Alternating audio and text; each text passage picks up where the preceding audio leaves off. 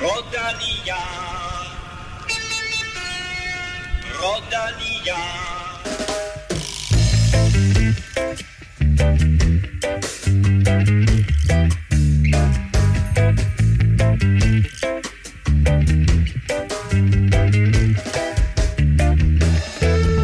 Swift-sensationen Jay Vine vandt årets første World Tour løb, mens danske Mikkel Honoré også nappede en trøje.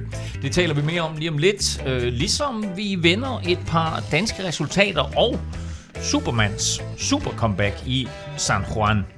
Men ellers så er dette vores årlige transferudsendelse, hvor vi kigger på de største klubskifter i cyklingens verden. Og med det, velkommen til to. Jeg har forsøgt at skifte ud og lave diverse transfers på, men de bliver ved med at komme tilbage. Stopper ikke karrieren lige med det samme. Kim Plesner og Stefan Johus. Og Stefan, det er lørdag formiddag. Vi skulle have optaget i dag. Ja. Ja, det skulle vi ikke. Vi skulle have optaget i går. Ja. Men øh, det kunne du pludselig ikke. Der var noget med noget samtykke. Der var noget med noget, ja, men øh, jamen, vi sidder i dag, og øh, der skete jo det, at øh, inde i vores chat, så, så var det noget, jeg havde misset, og øh, vi var åbenbart blevet enige om, at vi skulle have optaget i går aftes. Og den var lige gået min næse forbi, og så, øh, så prøv, jeg prøver, skal lige prøve at finde det i, i, i chatten, fordi jeg skriver så til jer, Nå, så blev vi bare enige om det, uden at jeg så det. Mm-hmm. Og så skriver Kim, øh, jeg kan godt se, at du ikke svarede, selvom jeg taggede dig. og så skriver fedt, stiltigende accept så. Og så, øh, så skriver Kim, bare du ikke hiver kondomet af, er der stadig samtykke, som jeg forstår det. Jeg skal måske lige... dem, der ikke har, dem, der ikke har læst det. Hashtag stealthing. og det var det her helt nye begreb, som, øh, som vi, jeg tror, vi alle sammen lige har, har, har lært. Studset lidt for over. Nylig, studset lidt over. Ja. Og så kommer Elming ind i chatten. Var det ikke der, Mads kørte? Team Stealthing? Jeg var simpelthen så flad af grin over den der. Men hvis man ikke sådan er helt med, så, så prøv lige at gå ind og tjekke, øh, hvor Mads P. han har kørt hen. Ej, okay, lad os sige, at han kørte for Team Stølting. ja, Det ja. er tæt på. Det er tæt nok på. Jeg vidste heller ikke, om du var seriøs i starten. Ja, ja. Nå, Så, øh, øh, ja, men så er vi ligesom i gang, ikke? Øh, 2023, velkommen til. Øh, Kim, lad os... Øh, Lad os lige øh, vende fokus tilbage på noget cykelmæssigt. Øh, der, er jo sådan, der er jo efterhånden kun en måneds tid til, at øh, cykelsæsonen, altså den cykelsæson, du mener, den rigtige cykelsæson starter. Jamen altså, teknisk set, så køres der jo faktisk et World Tour løb i morgen. Men altså nu, vi, vi sad også og snakkede om det inden, at, at det er lige før, det er en protest, at vi optager i dag, fordi det simpelthen er, det må være det dårligste World Tour løb. Uh, Cattle, Cattle Evans uh, Road uh, Furniture Race, eller hvad det hedder. Great Ocean Road Race. Og så kiggede vi lige, og så spurgte, spurgte vi hinanden, hvem har egentlig vundet det løb? Og der var ingen af os, der kunne nævne nogen vinder. Og du sagde også, hvem vandt sidste år? Og så kiggede vi på hinanden og sagde, Der ikke nogen. det, det ved jeg ikke, men det er så fint, det ikke er kørt de to sidste år. Ja, men altså, og, og, Efter din og, præstation i quizzen sidste, sidste gang, så er jeg svært ved at tro, at du ikke lige havde, Jeg ikke havde forberedt øh, mig. havde dem alle sammen på... Øh, Nej, men jeg vil sige, at hvis man sidder derude, og så kan man lige pause den nu, og så lige tænke, nævn lige bare en af de vinder, der har været, eller måske Okay. alle seks. Der har været seks vinder, og så kan vi, øh, nu har du så pauset den øh, tilbage igen, og det er jo øh, gode navne som øh, Gianni Meersmann, Pete Kennock, Nikias Arndt, øh, Jay McCarthy, Elia Viviani og Dries Stevenins. Altså, det er ikke den, øh, den største liste. lige før dem, der er af- blevet nummer to, det er større navne, ikke? Altså, der er, Jer- der er Gerrans og øh, Viviani, Caleb Ewan, Sivakov, men øh, Ja, ja, Det er Men det er jo et, et løb, som, som, øh, som, som rent øh, hvad hedder sådan noget, statistisk jo er på niveau med, med Strade Bianca. Og der ved jeg godt, øh, der ved jeg godt, hvad for net jeg hellere vil se i hvert fald. Og det er mere eller mindre hele det felt, som kørte det er ja, jo Tour Down, Down Under. Under. De er blevet dernede, og så kører ja. Ja. de Cat Evans uh, Road Race her. Og det vil sige, at vi også har tre danskere med. Vi har Mikkel Honoré med, vi har Julius Hansen med, og vi har Asbjørn Hellemose med. Mm. Uh, og Mikkel kommer vi tilbage til uh, lige om lidt. Og du mener, Caleb, vinder? Ja, sikkert. altså min, min favorit, det er, det er Cat Evans. Caleb, Ej, Caleb Evans. Jeg tror, uh, Kettle, Kettle Ewing, hvad hedder han, vinder. Uh, han kører jo som uh, også i, hvad hedder det, Tour Down Under for det her australske ja. landshold. Så, Nok om det. Øh, nå, øh, I dag der fokuserer vi som sagt på de mange transfers, der har været i cykelsporten, og vi giver dig også øh, både overblikket over danskernes nye arbejdspladser, og også en top 10 over de største transfers, og ikke mindst her gennemgår vi de mest spektakulære af slagsen. Tak til alle, der støtter på tier.dk. Uden jer, ingen podcast, og øh, til dig, der stadig ligger på jul, så er det måske tid til at tage en føring her, inden 2023-sæsonen sådan for alvor går i gang. Mit navn er Claus Elming. Du lytter til Velropa Podcast, præsenteret i samarbejde med HelloFresh. She said, Do you come from a land down under? Where women go and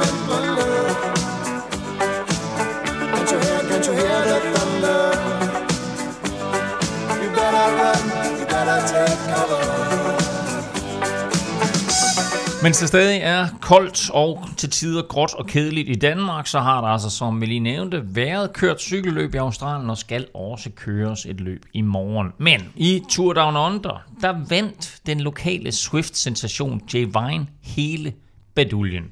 Vi så ham, Stefan, vinde to etaper i Vueltaen sidste år. Nu vinder han sit første, kan vi godt til store etabløb her, et World Tour løb trods alt. Hvad kan det blive til for ham her? Jamen, øh, det kan blive øh, rigtig sjovt. Altså, øh, han kan jo, øh, det som de fleste tænker på lige nu, det er jo, om han kan blive Grand Tour-rytter, og øh, han skal køre Giroen øh, for, UAE, øh, for UAE, og... Øh, Og når du siger, at han kan blive Grand Tour-rytter, så mener du sådan en klassementsrytter. Ja, præcis. Altså, nu har han, han har jo vist, øh, i hvert fald i Vueltaen, at han øh, kan mestre nogle af de, de, de høje bjerge. Han har ofte gjort det fra udbrud, øh, så det er et lidt andet game, og lige pludselig kører finalen sammen med alle de andre, øh, alle de stærkeste, men han kører op øh, med, øh, med Yates øh, ret pænt her, altså, og, og tager selv initiativ hele vejen og holder sig godt til øh, har forbedret sin enkeltstart, så lige pludselig så begynder man at se, okay, der er faktisk øh, ret, god, øh, ret godt grundlag for at køre en, øh, en Grand Tour og køre klassement der. Så, så det er det, der bliver spændende, og, og så man lige ser på det med de enkeltstartshævner, han har. Øhm, altså en top 3 er ikke sådan helt utænkelig, men der er stadig øh, lang vej til, til I Grand Tour sammenhæng? I Chidoen øh, i hvert fald, ikke? Øhm, der er jo selvfølgelig Remco og Primoz Roglic øh, Jo, og, og en øh, enkeltstartshæftig Nå, men øh, ved, ved du, Jay Vine, han skal køre Giroen?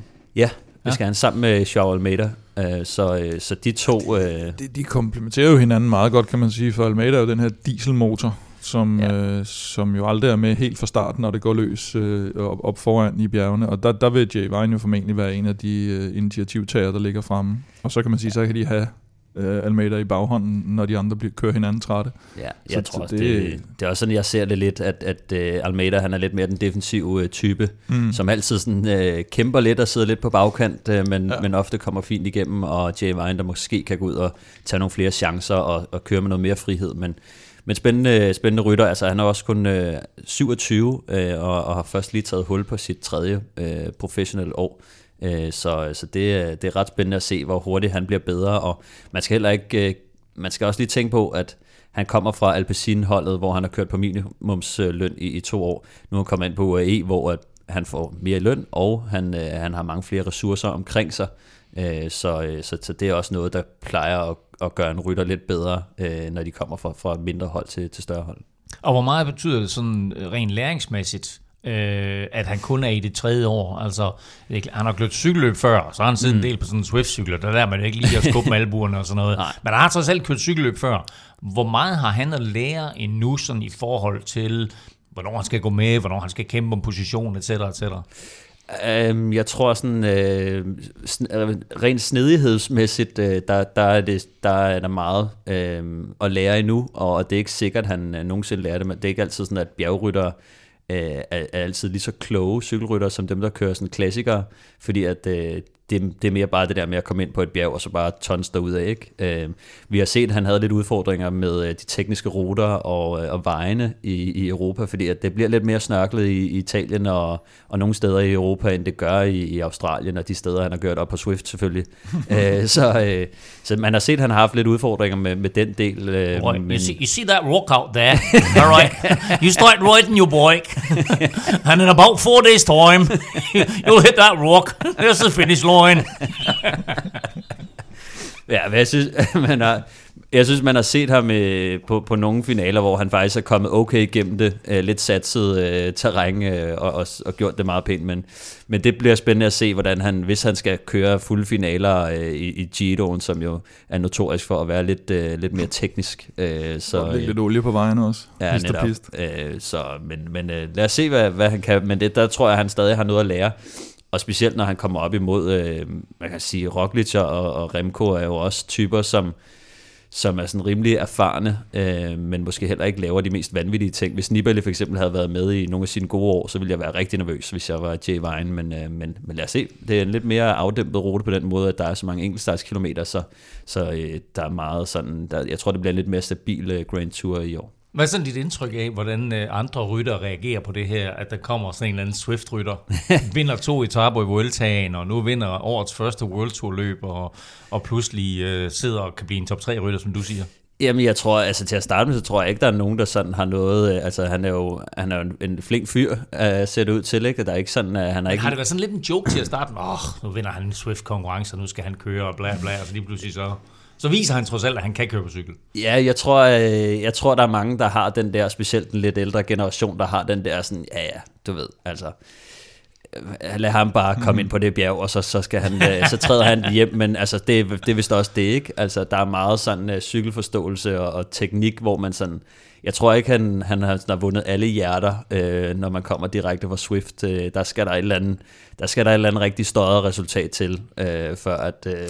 Men man kan sige, at som du siger, resultaterne tæller, fordi hvis først du begynder at lave resultater, så får alle jo respekt. Ja, altså, så, sådan det, er det bare. Det er, altså, det. det er noget andet, hvis du kommer ind, og så ligger og fjoller, og, og, og kører de andre af banen og sådan noget, fordi du ikke kan noget teknisk ja. og ikke vinder en skid og sådan noget, så, så begynder de jo nok at blive lidt... det er jo sådan lidt, hvis han nu styrter i regnvejr på et eller andet tidspunkt, så vil alle stå og tænke, ja, ja, Swift og kæft, mand. Så hvis han laver noget dumt, så tror jeg hurtigt, at der er nogen, der sådan dømmer ham lidt hurtigere, end hvis man nu ser... Øh, Mads P. eller Askren eller sådan nogle styrte, mm. hvor, og det kan også være regn og se lige så dumt ud, men der vil folk være sådan lidt, okay, altså de ja. er alligevel hardcore, altså de, så der, der sådan, har man et andet syn på, på de, den slags typer end, øh, end, end Jay Vine, han er sådan lidt, lidt med det er, når man kommer, lidt, lidt, man kommer lidt ældre ind i gamet, der er nogle ting, som man ikke forstår lige så godt, fordi man ikke er vokset op med den der mm. Cykelkultur ind under blodet. Jo, du har det jo også nu. nu Roglic for eksempel har jo også øh, øh, væltet lidt en gang imellem og, og kørt lidt, øh, lidt sjovt. Øh, Michael ja. Woods har vi været efter i forhold til, til det tekniske, som har startet ja. med en løbekarriere og kommet ind i, i sporten sent. Jeg har også hørt, at han er skihopper. Jamen, det er, er det ikke ham, der hedder Roglic? Nå, se du rundt, du sagde Michael Woods. Men altså, du, du kommer ikke væk fra, fra det der, øh, altså der er cykelsporten så, så uh, traditionel, at ja. uh, hvis, du først har, altså, hvis du først har været noget indenfor, det tror jeg måske, det er Remco, han slipper, fordi han har spillet det fodbold og sådan noget. Ah, Men så, der er rigtig mange andre, der... Og så har vi en dressurrytter også jo. Hvad? Kasper Askren. Ja, det Kasper Esken har en dressurrytter. Ah, ja, okay. Det var han. Ja. Stefan, det er faktum, det kan du ikke... Okay, men det er sjovt. Det er faktisk lidt sjovt, at, øh, at det, det der blev der aldrig rigtig talt om i feltet hjemme, da, han, da vi kørte dengang. Til gengæld så har der været nogle andre, hvor det var sådan, om det var skøjteløberen derovre, ikke? Og sådan noget, mm, hvor der var nogle andre, der havde sådan lavet noget. Der, der bliver der kan man godt moppe lidt i, det kan være, Kasper, ikke har, Kasper ikke har været så offensiv ved buffeten med, med at lige fortælle historien om, at han havde været dressur. Nej, det er ikke, om der er så meget øh, street i, øh, i Jeg synes heller ikke, man har set så meget på sociale medier, sådan lige hvordan, uh, men ja. det kan være, at uh, han har lyst til at dele, dele noget. Han skiftede, han skiftede den rigtige hest ud med en, med en stålhest. Ja. Øhm, jernhest hedder det vel. Øhm, Tour øh, Down Under øh, startede faktisk præcis, som du har forudsagt, Stefan, med en tredjeplads til Julius Johansen Propologen. ja. Men øh, derfra så gik det så desværre lidt ned ad bakke for den unge dansker. Til gengæld så viste Mikkel Honoré, at han stadigvæk er god til at køre op ad bakke. Ja, altså jeg synes øh, Mikkel han, han, viser, han viser lovende tegn fra start af. Altså han var jo ude i, øh, på tredje etape, øh, kommer han ud i et, et, et udbrud sammen med Fabio Felline, hvor de rammer en af de her rimelig ledestigninger, hvor han, han, han, han sætter Fabio Felline, som jo under normale omstændigheder i hvert fald ville være okay til at køre uh, opad, hvis, hvis formen også er med. Men der, der fik han altså sat ham og taget nogle, nogle point i bjergkonkurrencen, og efterfølgende så sne han sig lidt til, til nogle af de der point, øh, hvor at der måske ikke var så meget kamp om den, men det var jo på det tidspunkt øh, Jay Vine, der sad på den, men han havde så også øh, løbets øh, okkergule øh, føretrøje, som de kalder den. og, øh, og der kunne han så snige, så, snige nogle point ind øh, der, og endte med at tage bjergetrøjen, så, så ganske flot, og øh, ja, altså det, det virker som om, at der er lidt form på, selvom en, en, en bjergetrøje på den måde ikke er det kæmpe store resultat øh, Jeg synes for ham. mere, det var det der med, at han kom igen efter, han havde styrtet to gange på Poloen, ikke? Der sad jeg Ja. og tænkte, åh nej, altså han har lige været igennem styrt og sygdom, og jeg ved ikke hvad igennem nærmest hele 2022, og så starter han med at styrte to gange på Poloen. Så tænkte bare, det, det fortsætter vel ikke ind i, i 2023, men uh, det gjorde det heldigvis ikke. Nej, der er allerede lidt form på, så det bliver, det bliver spændende at følge. Men det blev ikke helt uh, fuck Svend Erik, faktisk. Uh, Svend Erik kom jo godt igen. Svend han kommer faktisk godt igen, ja. Og bliver, og bliver syv og samlet. Og det du sagde var jo sidst, at, at man kunne håbe lidt på, at Julius lagde godt for land, og så ville de begynde at køre for ham i stedet for. Ja. Men, uh, men Og så holdt det ikke Fox. Erik. Så var det Fox Erik, ja. Ja. ja.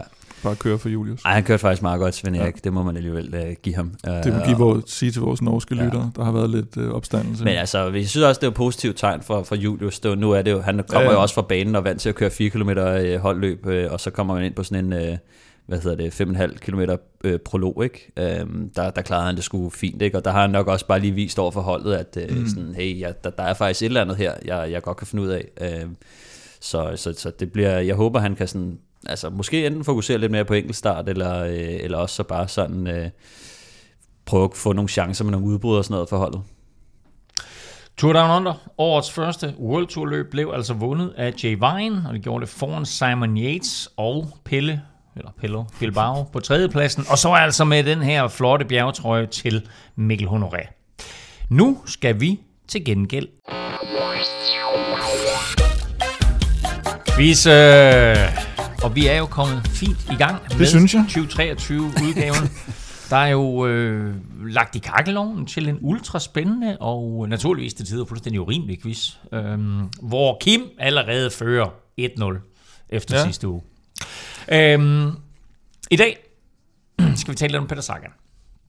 Fordi han har meldt ud, at han øh, stopper karrieren, eller måske stopper karrieren, eller vist nok stopper karrieren, og det vist nok bliver efter i år, eller også nok vist nok efter OL. I hvert fald så stopper han landevejskarrieren på et eller andet tidspunkt, og så vil han køre mountainbike. det var sgu That det var de korte nyheder.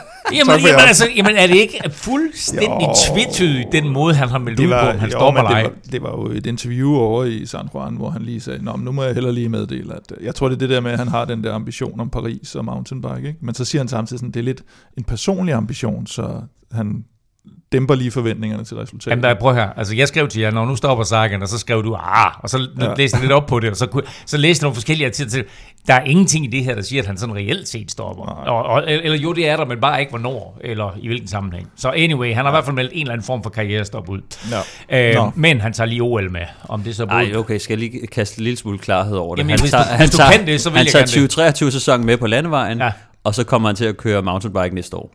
Og så en lille smule landevej, Jamen- men, ikke, men ikke så meget. Men også og lidt landevej nemlig i 2024. Og det er der, hvor det sådan, at jeg kigger på det der OL, og så siger, okay, altså er det meningen, at han vil køre mountainbike der, eller vil han køre landevej der, eller vil han køre begge dele? Nej, det tror jeg, han vil køre mountainbike. Jeg tror, han vil primært sådan, så øh, 2024 handler om, øh, om OL. I, Lad os bare blive enige om, det er lidt uklart. Ja. Men øh, quizzen er Ja. til gengæld som altid endnu mere uklar.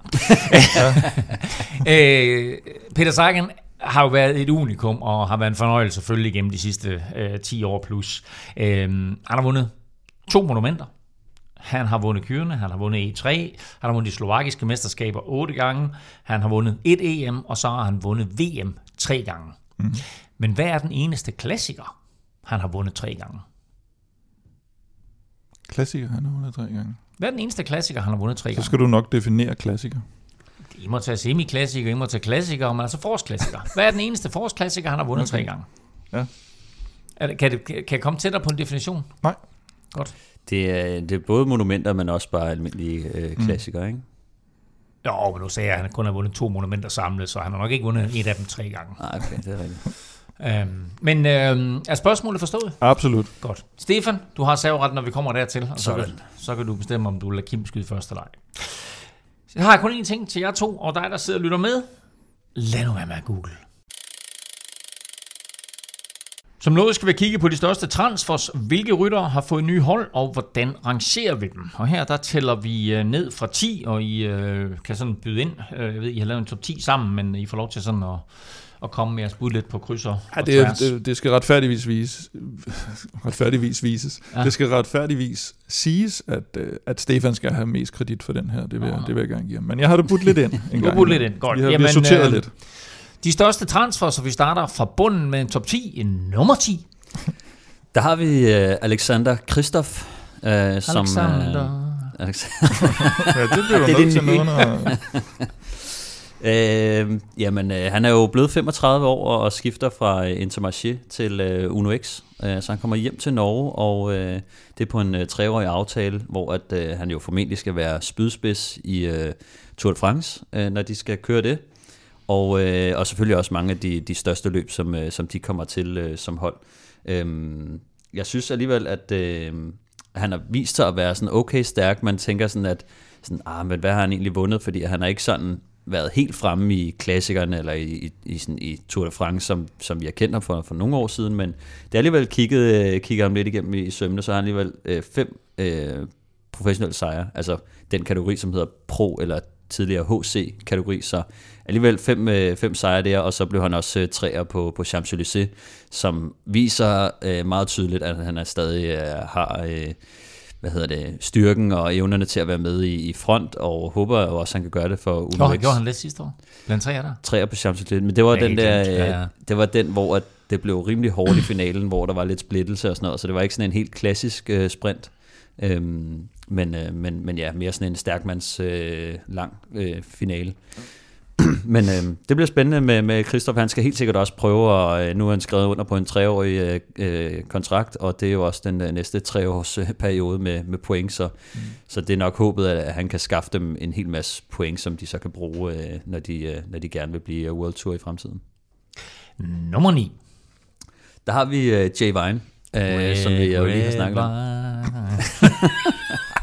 Du har tænkt dig at lave en... har tænkt dig at synge for jeg alle sammen nu. Jeg stopper nu. Øhm, Jeg glæder mig til den næste faktisk allerede.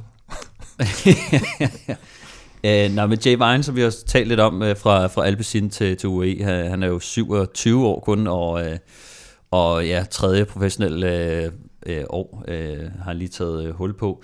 Det ligner jo et af de bedste køb indtil videre. Øh, han er jo allerede blevet australsk mester i, i enkeltstart og vundet øh, Tour Down Under, så, øh, så bestemt en, øh, en, en spændende rytter, som jo, som du også sagde tidligere, vandt to etapper i Vueltaen. Øhm, og øh, var tæt på at vinde bjergetrøjen i Vueltaen også, øh, men han endte jo med at styrte på, på 18. etape og, og mistede den derfor også. Det bliver spændende. Han skal som sagt også køre øh, Giroen øh, i år, og, og, og højst sandsynligt øh, gå efter et, øh, et, et, et, et samlet resultat der. Øh, I hvert fald at dømme på, at han har øvet sig rigtig meget på enkeltstart. så, øh, så det tænker jeg lidt er, er nok et led i, at han gerne vil køre klassement der. Og Monika, han er også, jeg tror, du var lidt inde på det tidligere, også er super glad for, at nu får han faktisk en ordentlig paycheck. Og Ja, ikke, og ja ikke par vi så, at han havde beklaget sig lidt over det der med, at hvor, hvor lidt at han egentlig tjente på, på Alpecin, øh, og øh, han havde fået et barn og, og skulle stifte familie og sådan noget, og det var ikke lige 250.000 om året, var ikke dækket måske ikke lige det hele. øhm, Det, lyder, det lyder ligesom en, NFL-spiller, der ikke er tilfreds med at tjene 15 millioner dollars, og så vil han, han have 22 millioner dollars. I got a family to feed. ja, det er noget Nå, nummer 8. Det er Vilko Keltermann. Nu glæder jeg mig meget til sangen. Åh, oh, Luigi, måneskin, oh, Nå, ja, nu fangede jeg den først. Lone Kældermann. Lone Keltermann. Ja, det er rigtigt. Jamen, jeg har en lille... Ej, det var langt ud. Det var langt ud. Vi, vi laver en lille ekstra quiz her til jer. Uh, har, har Vilko Keltermann nogensinde vundet Danmark rundt? Ja, Jeg var også nødt til at sige ja. Det er rigtigt. Hvor mange år siden er det? 6 år siden. var i 2014. 2013. Ja, 10 år siden. 6 år siden. Så der er lille jubilæum der, og øh, det er jo hans største sejr. Nej, det er det ikke. Øh, han er jo faktisk blevet øh, femmer i turen i 21. Det synes jeg sådan, man også lidt Det er det eneste år, han ikke styrtede ud af den. Jamen, det må det næsten være. Han har været svært uheldig. Alligevel er han blevet femmer i turen. Han har kørt top 10 i Giro og Vuelta. Øhm, og, og så sidder man alligevel lidt tilbage med det der indtryk af, at han aldrig rigtig sådan slog igennem øh, hos Bora som det der store klassementsnavn. Han blev jo overhalet af Jai Hindley, øh, meget specifikt i den der Giro, hvor Fuglsang også var med fremme. Mm. Og så var det som om, at, at, at Jai Hindley lidt har overhalet ham indenom. Og fik Øh, du sagt, at han skulle til Jumbo? det tror jeg faktisk ikke engang, jeg gjorde. Øh, tilbage på en eller anden måde til, til Jumbo. Og, øh, og der kunne det være super fedt at se ham som sådan en luksushjælperytter for Jonas Vingegaard i turen. Det kunne være rigtig dejligt. Men han skal så køre Giro, ligesom Jay Vine og Almeida. Han skal køre for at øh, være luksushjælper for øh, Roglic. Og så, øh, så har Jonas et, øh, et, et stærkt hold. Og det viser lidt om, at altså, de har nærmest to øh, virkelig, virkelig stærke klassementshold. De lige lægger et, et i Giroen og et i turen. Det, det er noget af en oprustning, de har fået lavet de seneste par sæsoner. Men øh, det er nok også et, øh, det er jo et attraktivt hold øh, at komme til. Tingene fungerer, og, øh, og det har Kel- tænker jeg, har, har tænkt sig at slutte slut karrieren der. Nummer syv. Oh ja, og det er også mig. Det er jo øh, en dansker faktisk, og så vidt jeg ved, den eneste dansker på listen. Må jeg godt afsløre det nu? Det må jeg gerne, når han er det. øh, Søren Krav Andersen fra DSM til Alpecin de König, og den øh, synes jeg er ret interessant. Der er jo ikke nogen tvivl om, at dem, der så Søren sidste år, øh, vandt ikke rigtig noget, og efter en god start i Milano Sanremo, så så ligesom om den bare fiser ud, og der var de her rygter om, om øh, uenigheder med, med DSM-holdet, om alle mulige ting.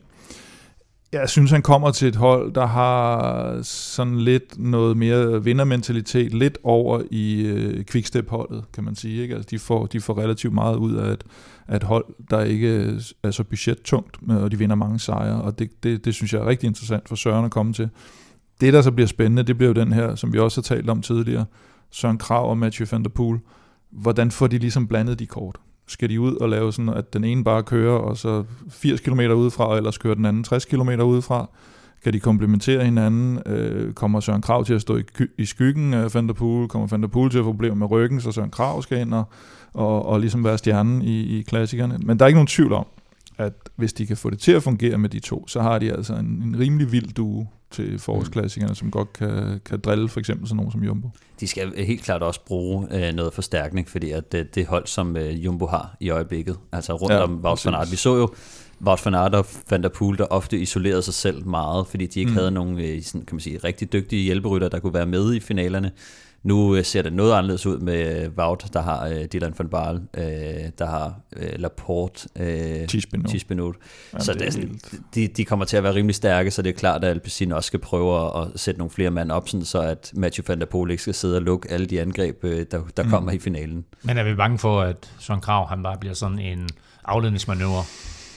Nej, jeg tror mere, du, altså det kan være sådan, hvis Laporte, øh, altså hvis nogle af de andre rytter fra, fra Jumbo stikker afsted, så vil det være smart øh, mm. at, øh, at sende Søren afsted, fordi så, så kan man sige, okay, øh, Tisbenot og øh, Søren, der kører afsted, der vil Van der Poel og, og Alpecin sidde og tænke, det, det er fint, altså mm. det, det, den, den tager vi. Øh, måske Laporte og Søren kan være sådan lidt, altså der, der, der er sådan nogle styrkeforhold, ja. hvor man kan sige, for, for de mixet kortene rigtigt, så, så Søren bliver matchet op med en, med en jumbo hvor han har en, en god chance, så, så, så, så vil det være stærkt. Så det, det er godt at have nogle øh, kort, man kan spille ud øh, i, i nogle situationer, hvis, hvis man er lidt i undertal.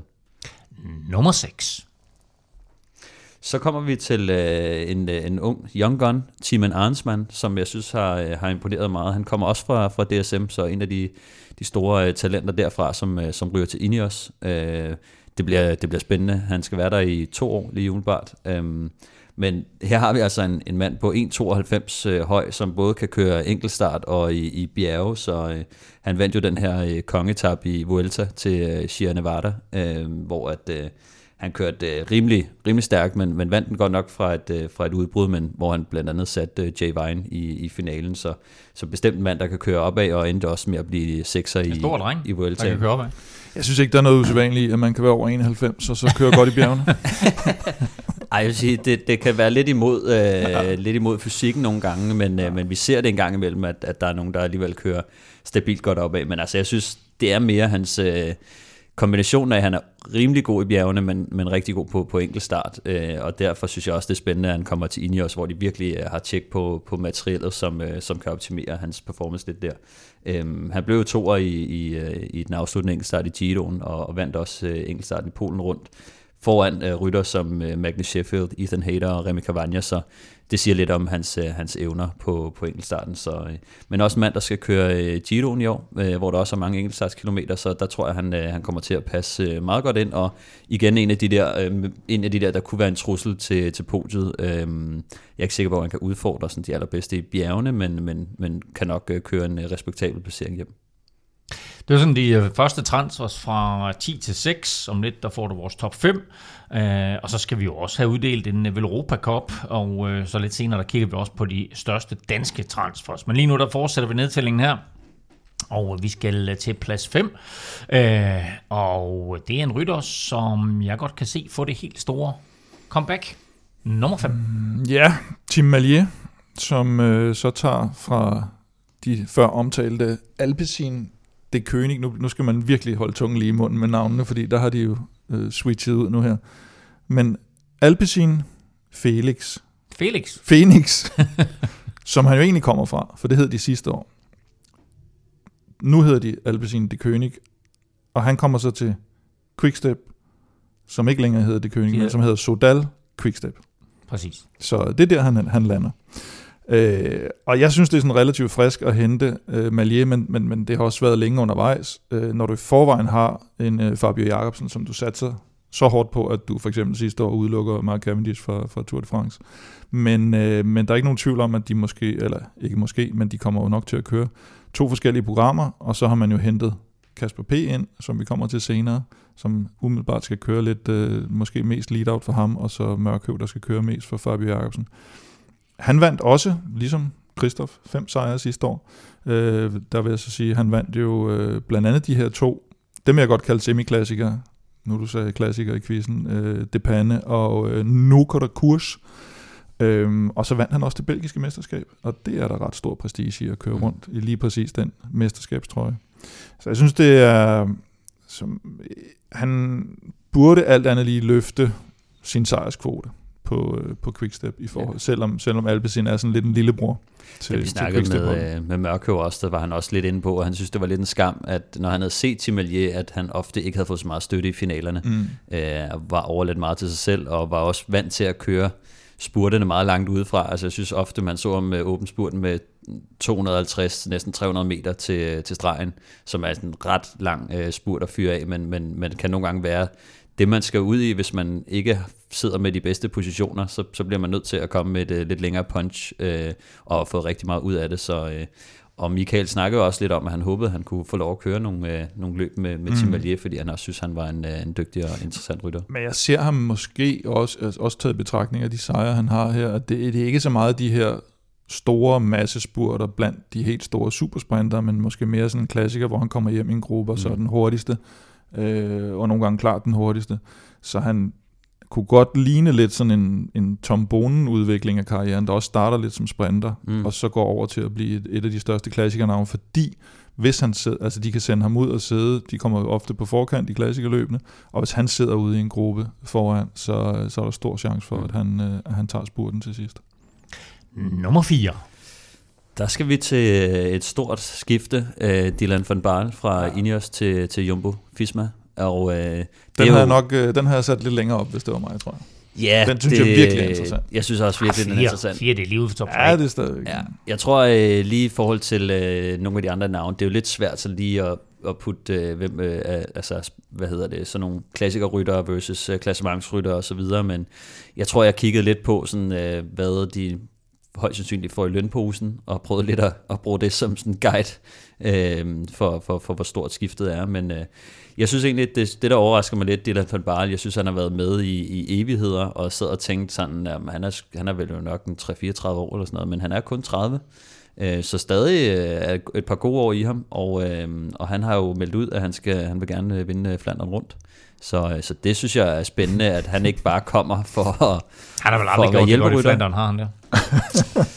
Ja, han har vist øh, været okay. Men, øh, Men, altså, øh, han skal jo mest kæmpe med sine egne holdkammerater, skal han ikke? Om at få lov at vinde Jo, Flandern præcis. Altså, det er jo det der, når man kommer ind og skal køre sammen med, med Wout van Aert, som jo er et øh, monster lige nu, ikke? og de også har Laporte og Ben- Benot, som vi også lige har snakket om. Altså, der er, der er mange om budet på, mm. på det hold. Jo, jo, og, man øh, altså, prøver at Wout van Aert, det kan godt være, at han er et monster.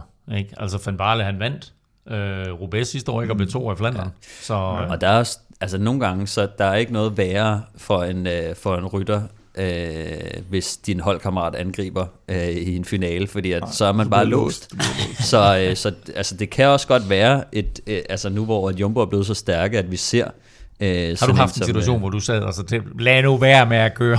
Ja, men nogle gange, hvis- nogle gange hvis du sidder og tænker sådan, oh, nu er tidspunktet mm. rigtigt, og så ser du bare i øjenkrogen, at der kommer en holdkammerat flyvende, ikke? så tænker man sådan, åh, oh, fuck mand, der var, der, der var den. Altså, og så hvis du bare sidder og ser dem køre afsted ude i horisonten, og man ved bare, jamen jeg kan ikke, altså, jeg kan ikke køre efter, fordi at det, det, er, det er dårlig taktik, så, øh, så kan man jo nogle gange sidde og krydse fingre for, at der er nogle andre, der, der henter dem ind, så man får, får chancen selv, men... Øh, men altså, ja, lad os nu se. Jeg synes, det, er- det er meget interessant med Dylan van Baarle og en af de fedeste ryttere i feltet, efter min mm. mening. Nummer 3. Nummer tre, ja. der skal vi have fat i uh, Mark Cavendish. Halløj, taler. Ja, det skal Så bliver den officiel. Ja. Så nu, nu er det officielt. Og, øh, Men er det virkelig en top 3? Det er et stort navn. Ja, og det, ja, det er et stort navn. Det, det er et af de største navne i, i nyere tid i cykelsporten, og det er måske mest det der med, at han, at han bliver ved med at køre, kan man sige.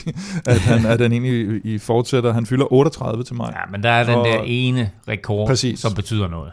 Han har de her 34 øh, etappesejre i Tour de France, ligesom Eddie Merckx, og øh, der var, altså, for 3-4 år siden, 5 år siden, der troede jeg aldrig nogensinde, han skulle komme op på de 34, der hvor han lige pludselig vinder af det 4 i, en, træk, øh, ja.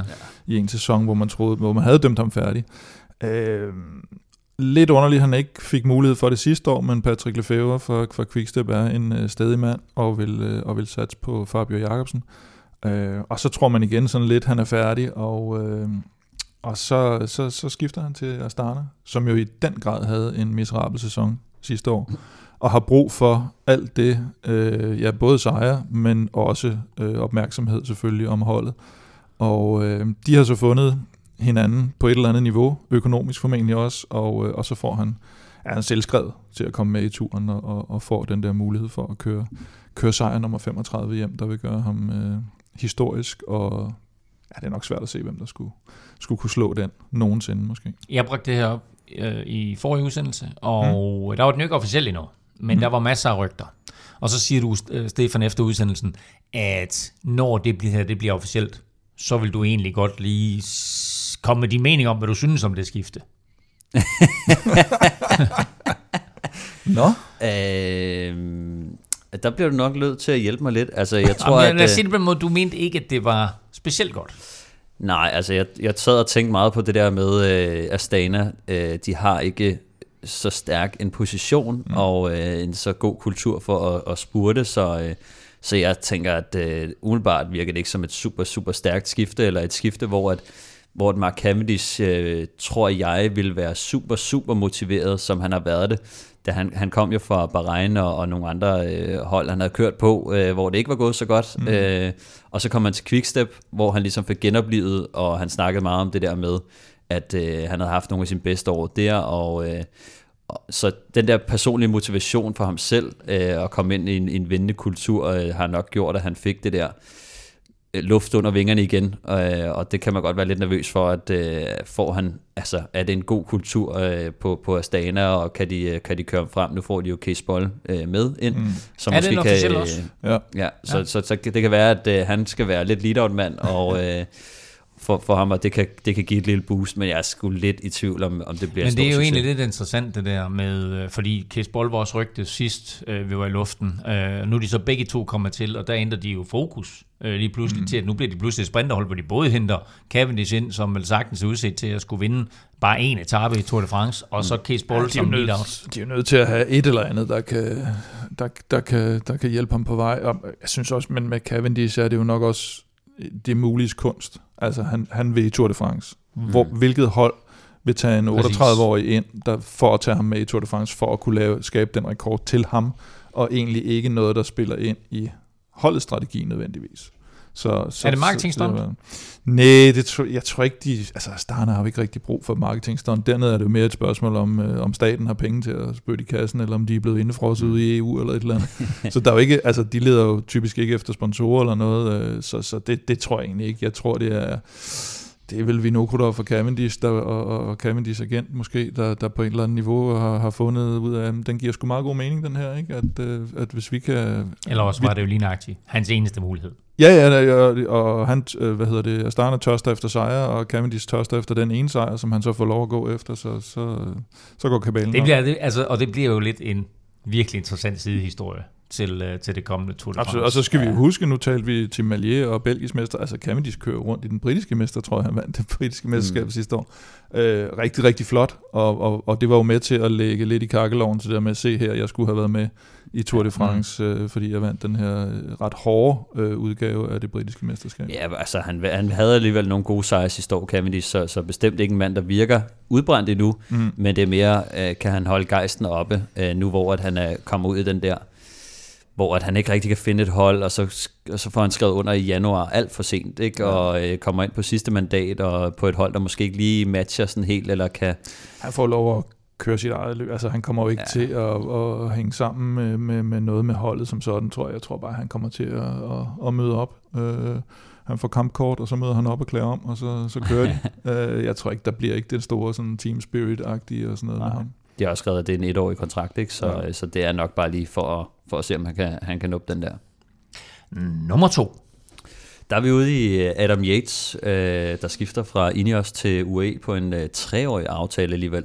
Lidt overraskende, fordi han, han kom jo til Ineos, fordi at han var jo britte og skulle gå efter Tour de France-sejren, og sidste år meldte jo ud ret tidligt, at det var Adam Yates, som de sådan, de kom selvfølgelig med flere kaptajner, men det var ham, de ligesom havde mest tiltro til, eller hvis de skulle pege på en, så havde det været ham. Øh, så det overrasker mig meget, at med den tiltro og det, de har prøvet at bygge op omkring ham, at de så bare øh, lader ham gå øh, til, til UE, men, men han vil gerne have en lang aftale, og, og sikkert også måske prøve at, få nogle flere penge ud af det, det ved jeg ikke, men, men på en treårig aftale til UE, så, så der kommer han til at, at binde sig for, for nogle af sine bedste år.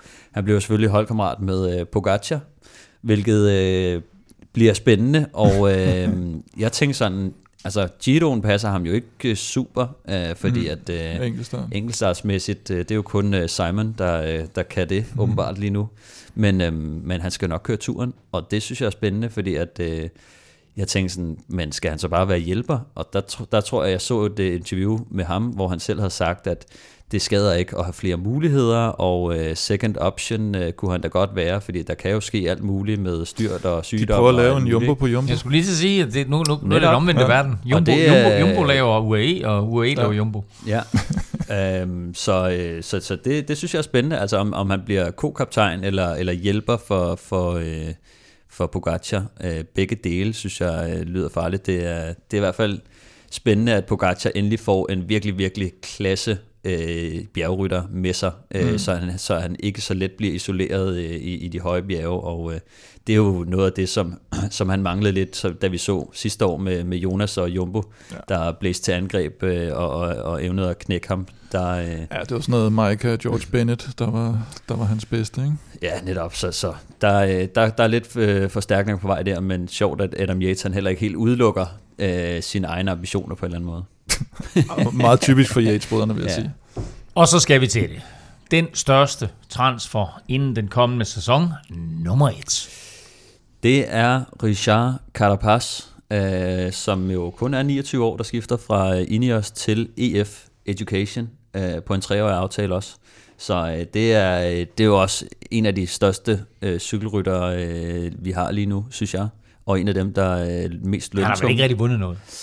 han har øh, vundet Giroen i, i 2019, ikke, og vandt OL i øh, 2021. Øh, sidste år, der, øh, der blev han to i Giroen, og vandt senere tre etapper i Vueltaen, øh, hvor han jo øh, nu kan jeg, jeg kan ikke huske historien helt præcis, men det var noget med, at han haft et, øh, et styrt inden Vueltaen startede, mm. og han selv ikke tænkte så meget over det, men det viste sig så, at hans krop var lidt mere mærket af det, og derfor så røg han ud af klassementskampen forholdsvis tidligt, men evnede så alligevel at vinde tre etaper senere hen og vise, at han faktisk var meget godt kørende alligevel.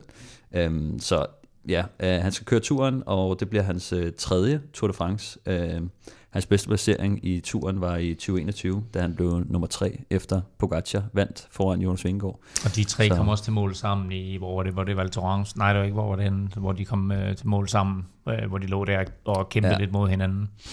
Jeg synes, at uh, udover at det er interessant for, for Carapaz, så er det jo også interessant for EF, som jo altid har været sådan lidt nogle underdogs, og mm. altid har, har sådan skulle kæmpe mod de store hold, der havde de gode rytter.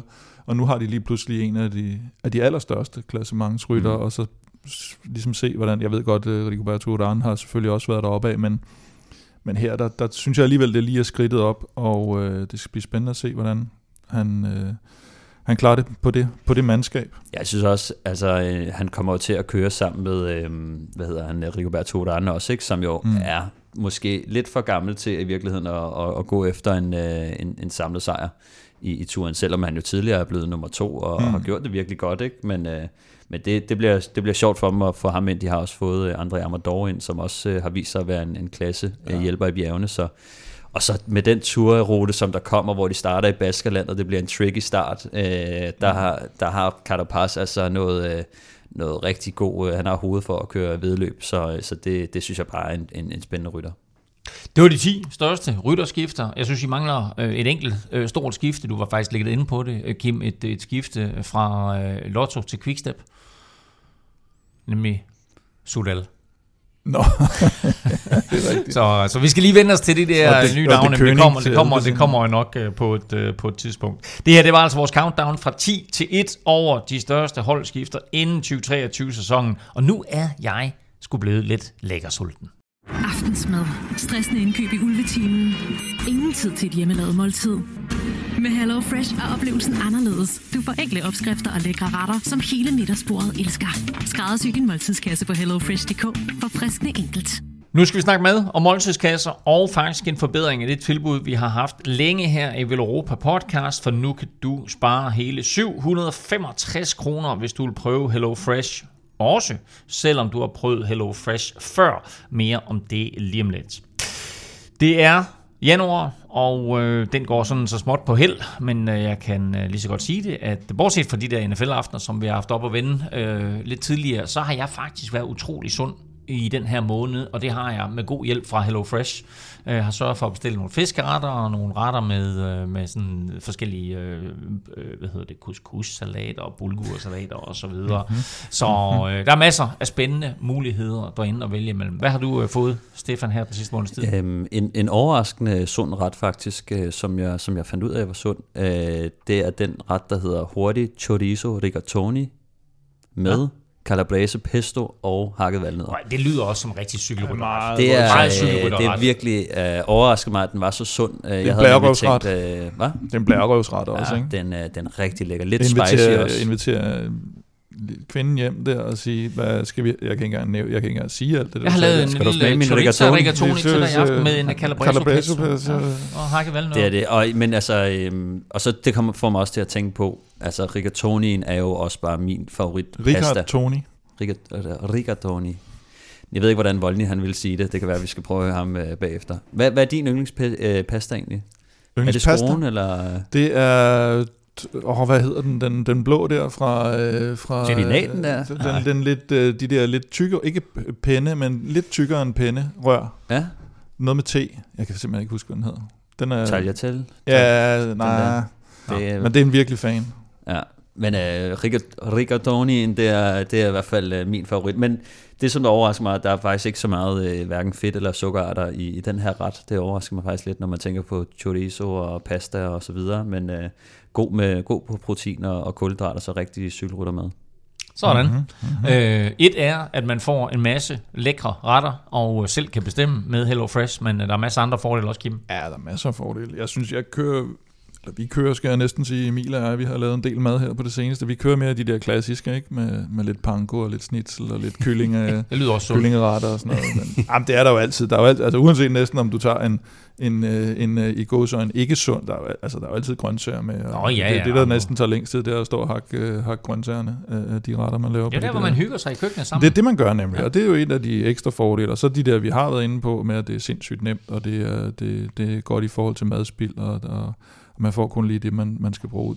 Min udfordring har været, at øh, vores dørtelefon, øh, den har været gået i stykker i to uger nu. Så øh, når Hello Fresh kommer, så øh, skal jeg sidde og tjekke på appen. Det er så en fordel, at man kan se, Nå, nu er der så mange minutter, til det bliver leveret, Mm-hmm. mm. og så ved jeg, okay, nu kommer han lige der, så, så går jeg ned til døren, fordi ellers så, så skal jeg stå... Der vil jeg faktisk sige, at de ringer faktisk også til dig, hvis det er Ja, sådan, ja, de lige ikke kan præcis, finde det. lige præcis. Så de stiller ikke bare kassen uden for døren og skrider igen. Øh, og så kommer alle ingredienser altså i afmålte portioner, så der er ingen madspil, og det er super nemt at, at rydde op, og det sætter jeg i hvert fald enormt stor pris på. Du kan altså prøve HelloFresh nu. Brug koden VELOROPA23, så får du altså hele 765 kroner i rabat på din første måned. Du kan godt finde det her tilbud andre steder, men bruger du koden VELOROPA23, så støtter du podcasten her, og gør samtidig noget rigtig lækkert, sundt og godt for dig selv. Og så må du altså meget gerne dele koden med venner og bekendte, så gå ind på hellofresh.dk og brug koden VELROPA23. Og så for lige at vende tilbage til det der med, at hvis du har prøvet HelloFresh før, øh, og har haft en lille pause, så har vi faktisk nu en genaktiveringskode. Øh, og øh, har du ikke brugt HelloFresh i et par måneder, og det vil sådan sige mere eller mindre siden cykelsæsonen sluttede, så er det en rigtig godt tidspunkt at komme i gang igen. Og har du lyst til det, så gå ind på hellofresh.dk og brug koden RETUR Velropa. Øh, så får du nemlig op til, hør lige efter, 828 kroner i rabat på dine første tre måltidskasser, svarende til 30% per kasse. Så altså retur Velropa, så får du altså muligheden for, som tidligere kunde, igen at prøve Velropa podcast, hvad vil jeg sige, prøve Hello Fresh. Nå, vi skal videre, og det skal vi med en øh, stribe new faces in new places. Vi har jo lige øh, gennemgået top 10, øh, og dem vi skal til nu, det er måske nogen, som ikke har så stor international bevågenhed, men som vi med danske øjne naturligvis synes er lidt interessante, nemlig de danske rytter og unge talenter, som har fået nye hold. Og jeg kan lægge ud med ham. Jeg nævnte i sidste udsendelse, nemlig Kasper Pedersen. Ja, jeg synes jo egentlig, der er en, en del af de her navne, som, som også internationalt er, er ved at være, være et relativt stort navn. Kasper P. Øh, har jo vundet Paris Tour, så når først man har vundet den, så er man øh, internationalt anerkendt i hvert fald. Han skifter fra DSM til Sudal Quickstep, eller det er han så allerede gjort, fordi han er også allerede blevet nummer 4 i Trofeo Calvia, som jo er en af de her øh, spanske åbningsløb. Og, øh, og der kan man godt sige, at det, det kunne godt have blevet til, til mere end en, en fjerdeplads. Quickstep kørte ikke deres allerbedste taktiske løb lige den dag. Kørte de for ham? De kørte for, som de altid gør, og havde en del med fremme, men fik det på en eller anden måde en lille smule formøblet i finalen, og, og derfor så... Men det så, så jeg også, at de gjorde på et andet tidspunkt, hvor Mørkøv, han skulle køre for en eller anden, og så blev Mørkøv lige pludselig to år selv. Det var første etape af, øh, hvad hedder den, San Juan, San Juan faktisk, ja. hvor at, øh, ja, når man ser finalen, så er det virkelig et øh, bøvlet indløb, hvor der er rigtig mange sådan midterskilninger, havde jeg nær sagt. Øh, hvad hedder det er den nye frisyr. Øh, ja, det er, øh, hvad fanden hedder det? Um, Road furniture, eller hvad så? Ja, det, helle, helle, Helleanlæg i midten ja. af vejen, hvor at, øh, de, de, de, bliver, de, de bliver splittet øh, mange gange, og, og ender til sidst med ikke at kunne finde hinanden. Altså, øh, hvor at øh, Remco Evenepoel, han øh, misser dem fuldstændig, og Mørkøv og, og øh, Fabio, de finder heller ikke, eller Fabio, han har svært ved at finde øh, Mørkøvs hjul, og, i sidste ende, så ender det med at være Mørkøv, der, der sprinter sig frem til en, øh, til en anden plads øh, efter Sam Bennett, så Mørkøv viser faktisk, at han er stadig virkelig, virkelig hurtig, når det, når det gælder, ikke? Men, øh, men ja, det var, øh, det var, Meget det, det var mere sådan han har fået en af de, de sjældne sejre i karrieren. Det har ikke noget med transfer at gøre. Nej. Men, uh... Nej, men man kan sige om Quickstep, det er jo det, at som regel, så spiller de deres kort rigtig, rigtig godt, og de er også som regel rigtig meget is i maven, og så nogle gange så kikser det for dem, og nogle gange kikser det virkelig alvorligt, og der var den her famøse, øh, kan jeg fame dårligt huske, om det var en E3 Harlebække, hvor øh, Ian Standard han så tog røven på dem, hvor de jo var ja øh, 3 mod 1 i finalen. Ikke? Var det omløb faktisk? Nej, det var omløb, ja. ja. Det var omløb. Ja. Og det, den står jo nærmest tilbage som et slags monument i, øh, i dårlig taktisk kørsel, og alt, hvad der kunne gå galt, gik galt. Ja, det, det. Øh, og, og når det sørger for Quickstep, som netop har det her store overtal, som, som, som regel spiller de taktiske kort godt, så, så ser det også øh, voldsommere ud. Det er i hvert fald en god start øh, for, for Kasper P. hos uh, Sudal Quickstep. Og god start må vi også sige, at Mikkel Honoré har fået øh, for EF Education med den her øh, bjergtrøje mm. i uh, Tour Down Under. Ja, han ryger jo så netop fra Quickstep til EF, og, og, og som vi også har været inde på tidligere, skal måske en lille smule afløse Valgren, som jo desværre rød ned på, på udviklingsholdet, developmentholdet, fordi han har fået den her alvorlige, alvorlige skade øh, sidste år. Så, øh, så der er nogle, øh, nogle sko at, at fylde ud der for Honoré, men øh, han har helt klart talentet til det, og øh, heldigvis så det ud som om, at han øh, bouncede lidt tilbage fra den der øh, dobbeltstyrt på prologen i, i Tour Down Under, og jeg glæder mig virkelig meget til at følge ham i den her sæson. I Cat Levens Road Race. Nej. Det kan være, han vinder den. det, det kunne være, han ja. vinder den faktisk. Øh, nu nævnte du lige øh, San Juan, øh, mm. og der fik vi jo faktisk et andet sådan rimelig flot dansk resultat, nemlig Tobias Lund, der blev toer på anden etape. Ah, syv. Ah, syv på anden etape. Ja, Ja, men øh, det er jo også en af de her, som er kommet fra øh, de, de unge danskere, som er kørt godt i talent, øh, hvad hedder det, eller i talent i, i junior og U23 løb, og øh, er jo så kommet op fra DSM Development til øh, det voksne hold, og øh, starter egentlig meget godt ud, og, og var i øh, den hvide øh, føretrøje i øh, tre dage, tror jeg faktisk det var. Ungdomstrøje. Uh, hvad sagde jeg? Føretrøje. Før, den, Men det er en den føre, ungdom, ungdomsføretrøje. Ja. Øhm, ja, men altså, viser jo, at han godt kan være med på, på det niveau øh, på en eller anden måde. Ikke? Øh, jeg glæder mig lidt til at se, hvilken type han egentlig udvikler sig til at være. Mm. Øh, fordi her der viser han, at han også er sådan, sådan semi-hurtig, øh, eller sådan okay hurtig på, på stregen. Men øh, jeg havde egentlig taget ham lidt mere som sådan en klassikerrytter. Øh, men øh, nu se, hvad han, øh, hvad han udvikler sig til. Det var i hvert fald en god start for ham, at han viser, at øh, han ikke er, er kørt helt bagud, øh, når det kommer til finaler øh, på, på øverste hylde. Så nu nævnte vi øh, selvfølgelig allerede øh, Søren mm. Krav har med i vores uh, top 10 uh, skifter fra ja. DSM til Alpecin de König. Hvem har vi ellers, Kim? Ja, så skal vi ned på, på det, der hedder Pro-Team-niveau, og der har vi og jo... Jeg har lige, inden vi lige kommer dertil, Nå, du har så faktisk har en lille lige, special. Uh, en, en special, fordi jeg sad og sådan finkæmmede alle transfers, og så var der et navn, der poppede op, uh, Sergio Tu. Ja, jeg tænkte, hvor det, han, Øh, står i en forkert, uh, han står på en forkert Nej, det liste. er grund til, at jeg ved, hvem han er, det er, fordi han har kørt, for, uh, han har kørt på dansk hold i, i, i nogle år. Uh, han kørt på Giant. Sergio Tu. Sergio Tu. Er han dansker?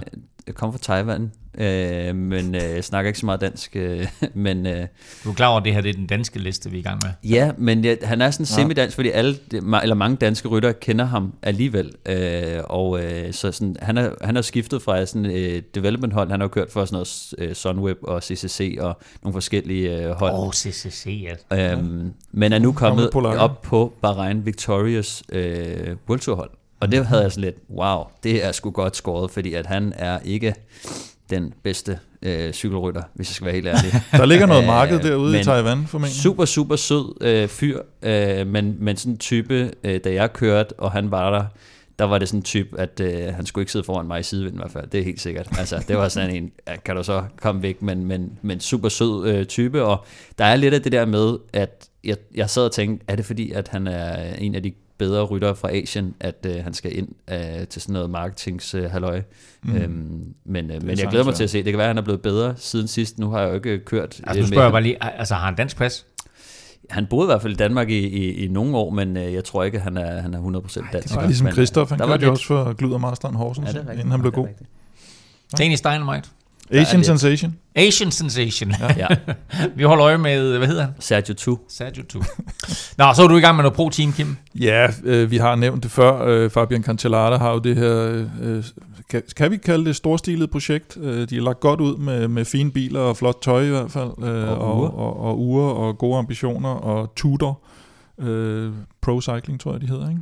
Ja, fed trøje også. Øh, ja, og øh, Alexander Kamp og Sebastian Changizi skal jo skal ned og køre der. Og det synes jeg bliver rigtig interessant. Og vi har også en, øh, en dansker, der er skiftet norsk internt fra Coop til Uno X, Louis Bendiksen. Louis? Louis? Louis. Louis. Sådan. Jamen, øh, det var de største danske holdskifter her op til 2023-sæsonen. So I'm going to leave now. Goodbye, everybody. Bye bye. Bye bye. Bye bye. Bye bye. Bye bye. Bye bye. Bye bye. Bye bye. Bye bye. Uh, I'm out of here. Bye. Bye bye. Mens vi altså nu har været igennem øh, top 10 transfers så øh, også de store danske uh, holdskifter, så kommer her en strib rytter, der har sagt bye bye, eller arrivederci, auf Wiedersehen, øhm, etc. Jeg ramser bare op, og så kan I lige øh, byde ind med en kommentar, hvis I føler for det. Der er faktisk 60 øh, rytter på World Tour eller Pro Tour, som har sagt farvel. Øh, som vi gennemgår i detaljer nu. Øh, I har jo været hårde. Jeg havde ja. Jo skrevet en øh, 15-20 stykker op, og så så, sorterede, så sorterede I jo stille og roligt fra. Vi ved, at de, øh, de fire store har sagt farvel, og dem har vi vendt allerede øh, sidste år. Philip Gilbert, øh, en fra Messina, øh, Richie Port og Alejandro Valverde. Øh, her kommer en stribe af navne mere. Øh, det største navn måske, øh, Sonny Colbrelli. Ja. Mm. Ja, lidt øh, en, en ærgerlig afslutning på, på karrieren, efter han jo har vundet mange store løb og Paris-Roubaix i, i 2021. Så øh, havde han jo det her tilfælde i Katalonien rundt, jeg, der var, hvor han øh, kollapsede efter en spurt, og øh, har haft problemer med hjertet og fået indopereret den her ICD, øh, samme som Christian Eriksen jo øh, var ude for i, i parken. Og så kan man jo så tænke, øh, jamen Christian Eriksen han spiller jo videre, hvorfor øh, kan Colbrelli ikke også køre videre? Og øh, den første problem er jo, at øh, man ikke kan øh, dyrke sport i Italien med den her ICD. Så det er jo selvfølgelig en, en stor ting. Men udover det, så, øh, så er det jo også det her med, at man kan jo få sådan et tilfælde igen, og, og selvfølgelig kan man blive øh, vågner, eller kan den her ICD så hjælpe dig med at, at få styr på hjertet, og du vågner op igen, men, men du undgår ikke at besvime øh, eller falde om, og øh, hvis man gør det i et cykelløb, øh, eller som han også selv har sagt, altså i cykling, der er man jo ofte alene ude på landevejen mm. i mange timer ad gangen, så, øh, så den risiko øh, med at få det øh, på en nedkørsel eller et cykelløb eller til træning, hvor man er helt alene. øh, Det er jo ikke lige så sikkert, som hvis det sker på en øh, fodboldbane rundt om en, en hel masse mennesker. Så, så det er lidt, lidt øv, men, men, men Colbrelli han, han stopper efter en, en, en rigtig flot karriere. I en alder bare 32. Mm. Så har vi Nicky Terpstra. En anden, der har vundet Paris-Roubaix, kan vi jo sige. Og øh, ja, en lidt... Øh, nogle gange lidt kontroversiel rytter, sådan har, har haft lidt et rygte for at, at, at måske være sådan lidt, øh, lidt egoistisk i sin tilgang i forhold til, at han kørte på det her, vel i mange år i hvert fald kørt på Quickstep også, som jo er det her lidt alle for en hold, så havde øh, Terpstra nogle gange det der med, at han, øh, han lidt, lidt satte sig selv øh, forrest. Og det, det ved jeg i hvert fald nede i Holland, har han, har, har han sådan lidt delt vandet. Jeg kan huske, jeg talte med, med Carsten Kron om det på et tidspunkt, ikke professionelt, og sagde, at, øh, at Nicky Terpstra, han kørte for Team Terpstra, og ikke rigtigt for, for det andet. Jeg tror, jeg tror, han er ligesom alle andre blevet lidt, lidt mildere og rundere med årene, Ja. og, øh, og har udviklet sig i en, en Var lidt ham, anderledes retning. uh, var det ikke ham Søren Krav, han betalte Der med? var også en batalje med Søren Krav og, og noget spytteri og, og i, i Gent Wevelgem, tror jeg det var. Øh, så, øh, så, men, men helt, altså en, en virkelig, virkelig stor klassikerrytter, der, der siger farvel. Jan Bakkelands, 36 år gammel. Ja, også en, øh, en god klassiker. Han fik jo ikke, øh, hvis du ser i forhold til Terpstra og Colbrelli, har han jo ikke fået, fået helt det samme ud af sit talent. Øh, Jeg husker ham også lidt for den her, var det Lombardiet, hvor han røg ud over, kanten, ind i en have, havde han sagt, og, og styrtede, styrtede meget alvorligt. Kom tilbage igen, og man har så ikke rigtig fået det, fået det til at spille, efter han kom tilbage fra det styrt. Øhm, sådan en, man, hvor man ved, øh, øh, hvis man spiller noget, noget managerhold og sådan noget, så ved man, at han altid står for en stabil indsats. Meget all-round rytter egentlig, kan gøre sig mange terrænger, men øh, måske en lidt undervurderet rytter i virkeligheden. Og så har vi en øh, rytter som Ilio Kajse.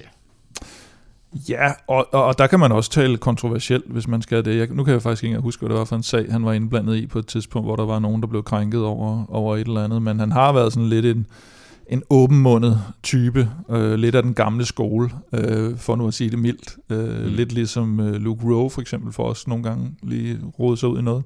Og så er han jo også kendt for øh, mange gange at køre det her Gent øh, seksdagsløb, sammen med blandt andet Cavendish, mm. øh, og, og har flere gange, tænker jeg, vundet det, uden at jeg føler sådan helt specifikt med i, i Gent seksdagsløb. øh, han har vundet det en del gange, Ja. og det er også det, som han er blevet, sådan, kan man sige, en folkehelt på Ja. i, i Belgien, det er at vinde det her Gent 6 løb og generelt bare været en, en rigtig dygtig 6 rytter som også har været rigtig god øh, på, på landevejen, men, men i sine senere år øh, begyndte han at være meget mere fast sådan øh, hjælperytter. Ja, øh, front, meget dedikeret ikke? Øh, vind på næsen og sådan Ja, noget. Og, altså- og, men, men er den, er den der, som belgierne jo godt kan lide, den der klassiske gamle skole, øh, Ja. øh, gammeldags type. Så kan jeg lige nævne, at uh, Juraj Sagan faktisk også uh, har valgt at, at trække sig tilbage, så det kan også være en af grundene til, at uh, Peter han ikke uh, ønsker at, at køre uh, ret Så vidste meget han ikke, hvem han skulle jeg tror, lidt, det. Jeg tror lidt omvendt, at øh, Tror det? når, når Peter han trækker sig, så, Så- så Juraj så legner mere. holdene måske ikke lige automatisk Jamen, det, kan da være, det kan da være, at han kunne vinde et mesterskab eller to med i Slovakiet, så ja. øh, Jura. Øh, og så den sidste internationale rytter, vi har legnet op her, det er Pierre Roland, som øh, jeg synes var lidt overraskende, Ja, af, at han Pierre- stopper. Ja, og han har jo også haft sådan lidt spøjs karriereudvikling, kan man sige, fordi i starten, der var han jo det, det nye store franske øh, klassementshåb, og kørte jo med Vøgler der på, på Europe Car. Så fik de lidt et, øh, et dårligt ry, øh, både de to rytter og Europe Car-holdet i det hele taget, for, for, for noget med, at de måske var lige friske nok ved, ved øh, var det væksthormondåsen. Og, øh, og havde nogle uheldige episoder, hvor han blandt andet blev trukket ud af Dauphiné, tror jeg, men med noget, øh, med noget sådan semi, semi-doping-anklager. Øh, og derefter fik han jo det her ry, som, øh, hvor det var det her attack Pierre Roland, altså at Mm. øh, han bare angreb hele tiden Mm. og, og ud på de her store togter.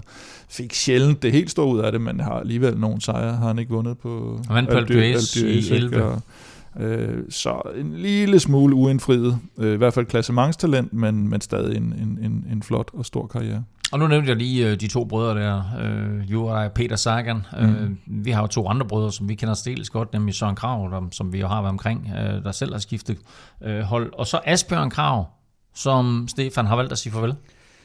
Ja, jeg tror, at øh, han har, det har ikke været nogen super succesfulde år på, øh, på, på Sunweb og, DSM øh, mm. for ham, desværre. Øhm, og øh, ja, det, det ser bare ud som om, det er, det er gået ned ad bakke øh, nærmest siden han øh, kom til det her Delco Marseille-hold, hvor at han allerede havde lidt problemer der, og så tænkte man, nu kommer han ind på, på Sunweb til, til sin bror, og det skal nok blive øh, rigtig godt, øh, fordi han er en dygtig cykelrytter, og øh, det har bare ikke rigtig øh, lykkes for ham, og har været ude i nogle, øh, nogle, nogle, nogle skader, nogle øh, styrt, som, øh, som har begrænset også lidt øh, udviklingen for ham, men øh, han vælger ja, at, at lukke den ned her. Og så blev han også sådan lidt sendt rundt til der, hvor der nu skulle bruges folk. Ja. Øh, fordi han netop, igen, stærk all-round ja. rytter, ikke? Og du, så når der lige manglede en rytter på holdkortet, så, så sender vi ham der, og så, så kommer du aldrig ind i en eller anden rytme, eller, eller finder, finder, de, finder dig selv som rytter. Jeg tror, han var, han var mere vant til at have en, en privilegeret status øh, på, på de danske hold, hvor at, øh, han, han havde tid og fokus øh, til at sætte sig op til, til nogle af de cykelløber. Har også vundet nogle, øh, nogle, nogle, nogle, fed, nogle fede cykelløb, øh, men, men lidt mindre. Altså, jeg husker Tour de Fjords, en gang han vandt den etape der, øh, rigtig, rigtig stærkt øh, gået, og, og ja, flere lidt mindre cykelløb, øh, end, end den gængse øh, cykelfan måske kender til, men, øh, men altså en, en stærk, stærk rytter, som, øh, som desværre aldrig helt øh, fik det til at spille på, på Sunweb, og så skulle han jo måske til at kigge sig, øh, kigge sig øh, lidt længere ned i, i, øh, i holdkortene, ikke? Og, og der er bare ikke så mange penge længere i det, så jeg tror, det er svært for rytter, der har været op på et højere niveau, og så, og så skrue ned, øh, inden de sådan rigtig har, har fået forløst deres potentiale.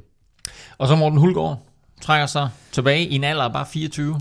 Ja, det er lidt, lidt samme øh, historie der, tror jeg. Han øh, fik ikke forlænget på, på Uno X-holdet, som jo så op, just, opruster helt vildt, øh, og der har han så ikke været en del af planen, og lidt det samme. Altså skal, skal han så tilbage til et øh, kontinentalhold, øh, det, det, det, det kan være lidt hårdt, øh, når man har været op og, og bare få, få lidt penge for, for at køre, og man så skal ned og kan man sige, øh, leve af det øh, en tredjedel af, hvad man plejede, det, det er ikke altid øh, så sjovt, så, så det, det, det virker som om, han har, han har haft nogle fine år, og, og bare ikke ja, har, har mod på at, og, og sådan, tage sådan et reset øh, lige pludselig. Morten, vi sender dig sgu en kop uh, og nu skal vi også have sendt den anden kop ud, fordi uh, vi trækker jo lod om Vel Europa Cup i hver udsendelse, og det fortsætter vi uh, naturligvis med her i 2022, uh, ligesom der vil komme andre fede præmier i løbet 2022. af året. 2022. Han er ikke kommet altså. ind i... Ja, han er ikke så, så 2023. 2023. Ja. Uh, og uh, vil du deltage i lodtrækningen? Så er det jo super nemt at være med. Øh, du skal bare gå ind og støtte os på tier.dk. Beløbet er valgfrit, og du donerer hver gang vi udgiver en øh, ny podcast, og når du så donerer, så deltager du også hver uge i lodtrækningen. Og øh, Stefan, vi skal have fundet ugens vinder af en Velropa Cup. Yes, og øh, vinderen i øh, den her udsendelse, det er Mick Bay. Mick Bay. Mick Bay. Sådan. Ja. Jamen, øh, Mick Bay, øh, stort tillykke med din kop, og tak fordi du støtter. Og øh, husk jo, at for alle vores lodtrækninger, øh, der gør vi det på den måde, at for hver femmer, du donerer, der får du et lod i puljen, så jo større beløb, jo øh, flere lodder, og dermed større chance for at vinde. Øh, du finder link på både velropa.dk og på tier.dk. Så mange tak for støtten til alle der er med og deltager i lodtrækningen og støtter vel Europa podcast hver uge, og naturligvis kæmpe stor tillykke til Mick Bay med din nye kop. Den kommer til at være helt perfekt her til den kommende cykelsæson, så vi glæder os også til at se koppen på de sociale medier, når du sidder derhjemme med øh, fødderne op og ser lidt cykelløb her i foråret med din nye Velropa Cup. Vi har været øh, igennem top 10 over transfers, og I har også gennemgået de vigtigste danske holdskifter. Vi har også lavet sådan en lille farvel-liste, bye-bye-liste. øhm, men I får også lige lov til at komme med øh, de andre transfernyheder, hvor I lige sådan stoppede op og sagde, øh, wow, eller Lotta da, eller hold da op. Øh, og vi lægger ud med Kim.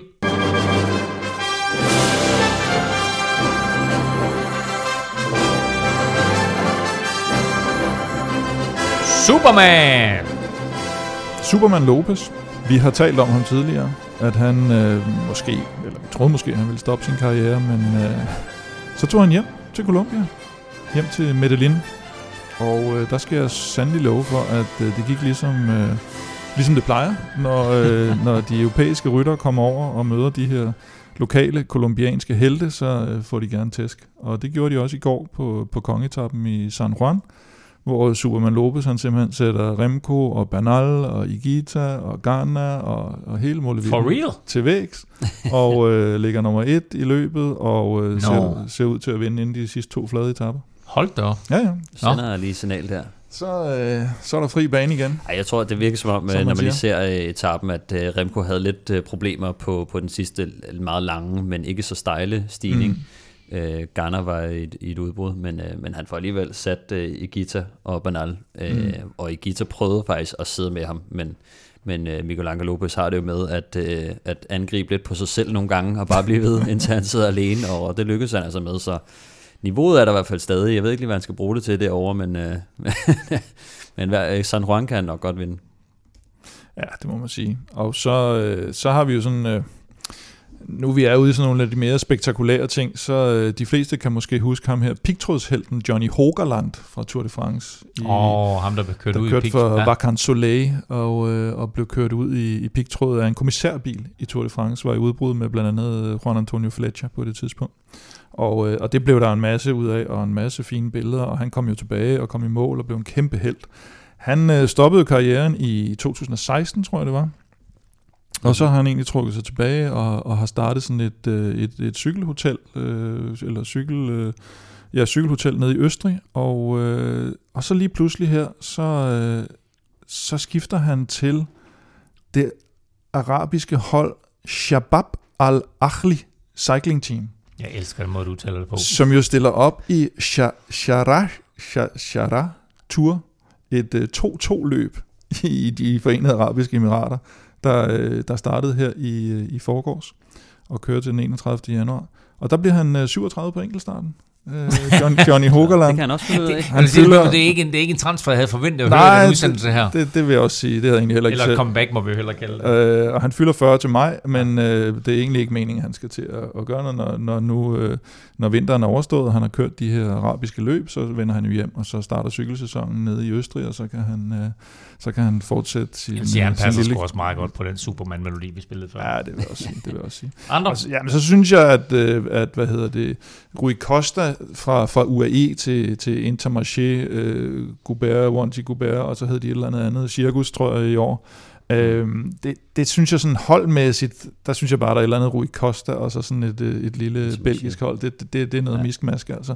Men han kommer godt fra start. Han vinder den her Trofeo Calvia, hvor øh, Kasper P. bliver fire, som vi, som, som vi talte om tidligere, så måske kan det noget. Det, kan det. ingen ved det. Intermarché Circus Wanty, tror jeg, de hedder jo. Sådan er det. Og, øh, og, og hvis vi skal blive den mere spektakulære, så kan man sige, at øh, Frances Descheux eller FDJ, øh, de har skrevet med syv rytter i alt. Spændende rytter faktisk. Alle sammen fra deres development team. Det er det, de har taget ind. Syv rytter fra deres man development kender? team. Jeg vil sige ham her, Lenny Martinez, som vi har snakket Ja, om, som er søn af, ham, øh, hvad hed den anden Martinez, øh, der kørte øh, cross mountainbike. Det kan jeg faktisk ikke engang huske. Men øh, han er et kæmpe talent, og ham Mm. glæder jeg mig virkelig meget til at se her. Og øh, med, med Thibaut Pinot på vej ud af døren. Hov, ham havde vi da glemt på vores lille liste af dem, der stopper karrieren. Men det er, fordi han ikke er Ja, men stoppet det, han endnu. stopper ikke endnu. Han stopper først efter den her sæson. Mm. Det er rigtigt, så ham, ham tager vi ikke med nu. Men øh, han ved jo i hvert fald, at han stopper, og de er jo i gang med også lidt et generationsskifte her, også med, med Gody og, og de unge drenge. Der er også ham her, Romain Gregoire, Ja. øh, som også har været en af de mest vindende U23-ryttere, ja. Ja. og så ham her, Samuel Watson, øh, som de også tager op. Så der, altså, de har faktisk nogle rigtig, rigtig spændende unge Ja. ja. ryttere på, øh, på Groupama FDC. Men en meget markant måde at gøre det på, at sige, det her det er simpelthen det, vi Ja. satser på. Altså vi, vi, vi tager for egen avl, ikke? Øh, Mm. og så kører vi der. Egen avl kan man ikke kalde Fernando Gaviria, som skifter UAE til Movistar, og det, der tænkte jeg sådan, ah, okay, det bliver noget fjol. færdig arbejde, ikke? Du har ikke vist noget her de sidste par år og haft corona 800 gange. Øh, så går han altså over og bliver 1, 2 og 4 indtil videre i, øh, i San Juan.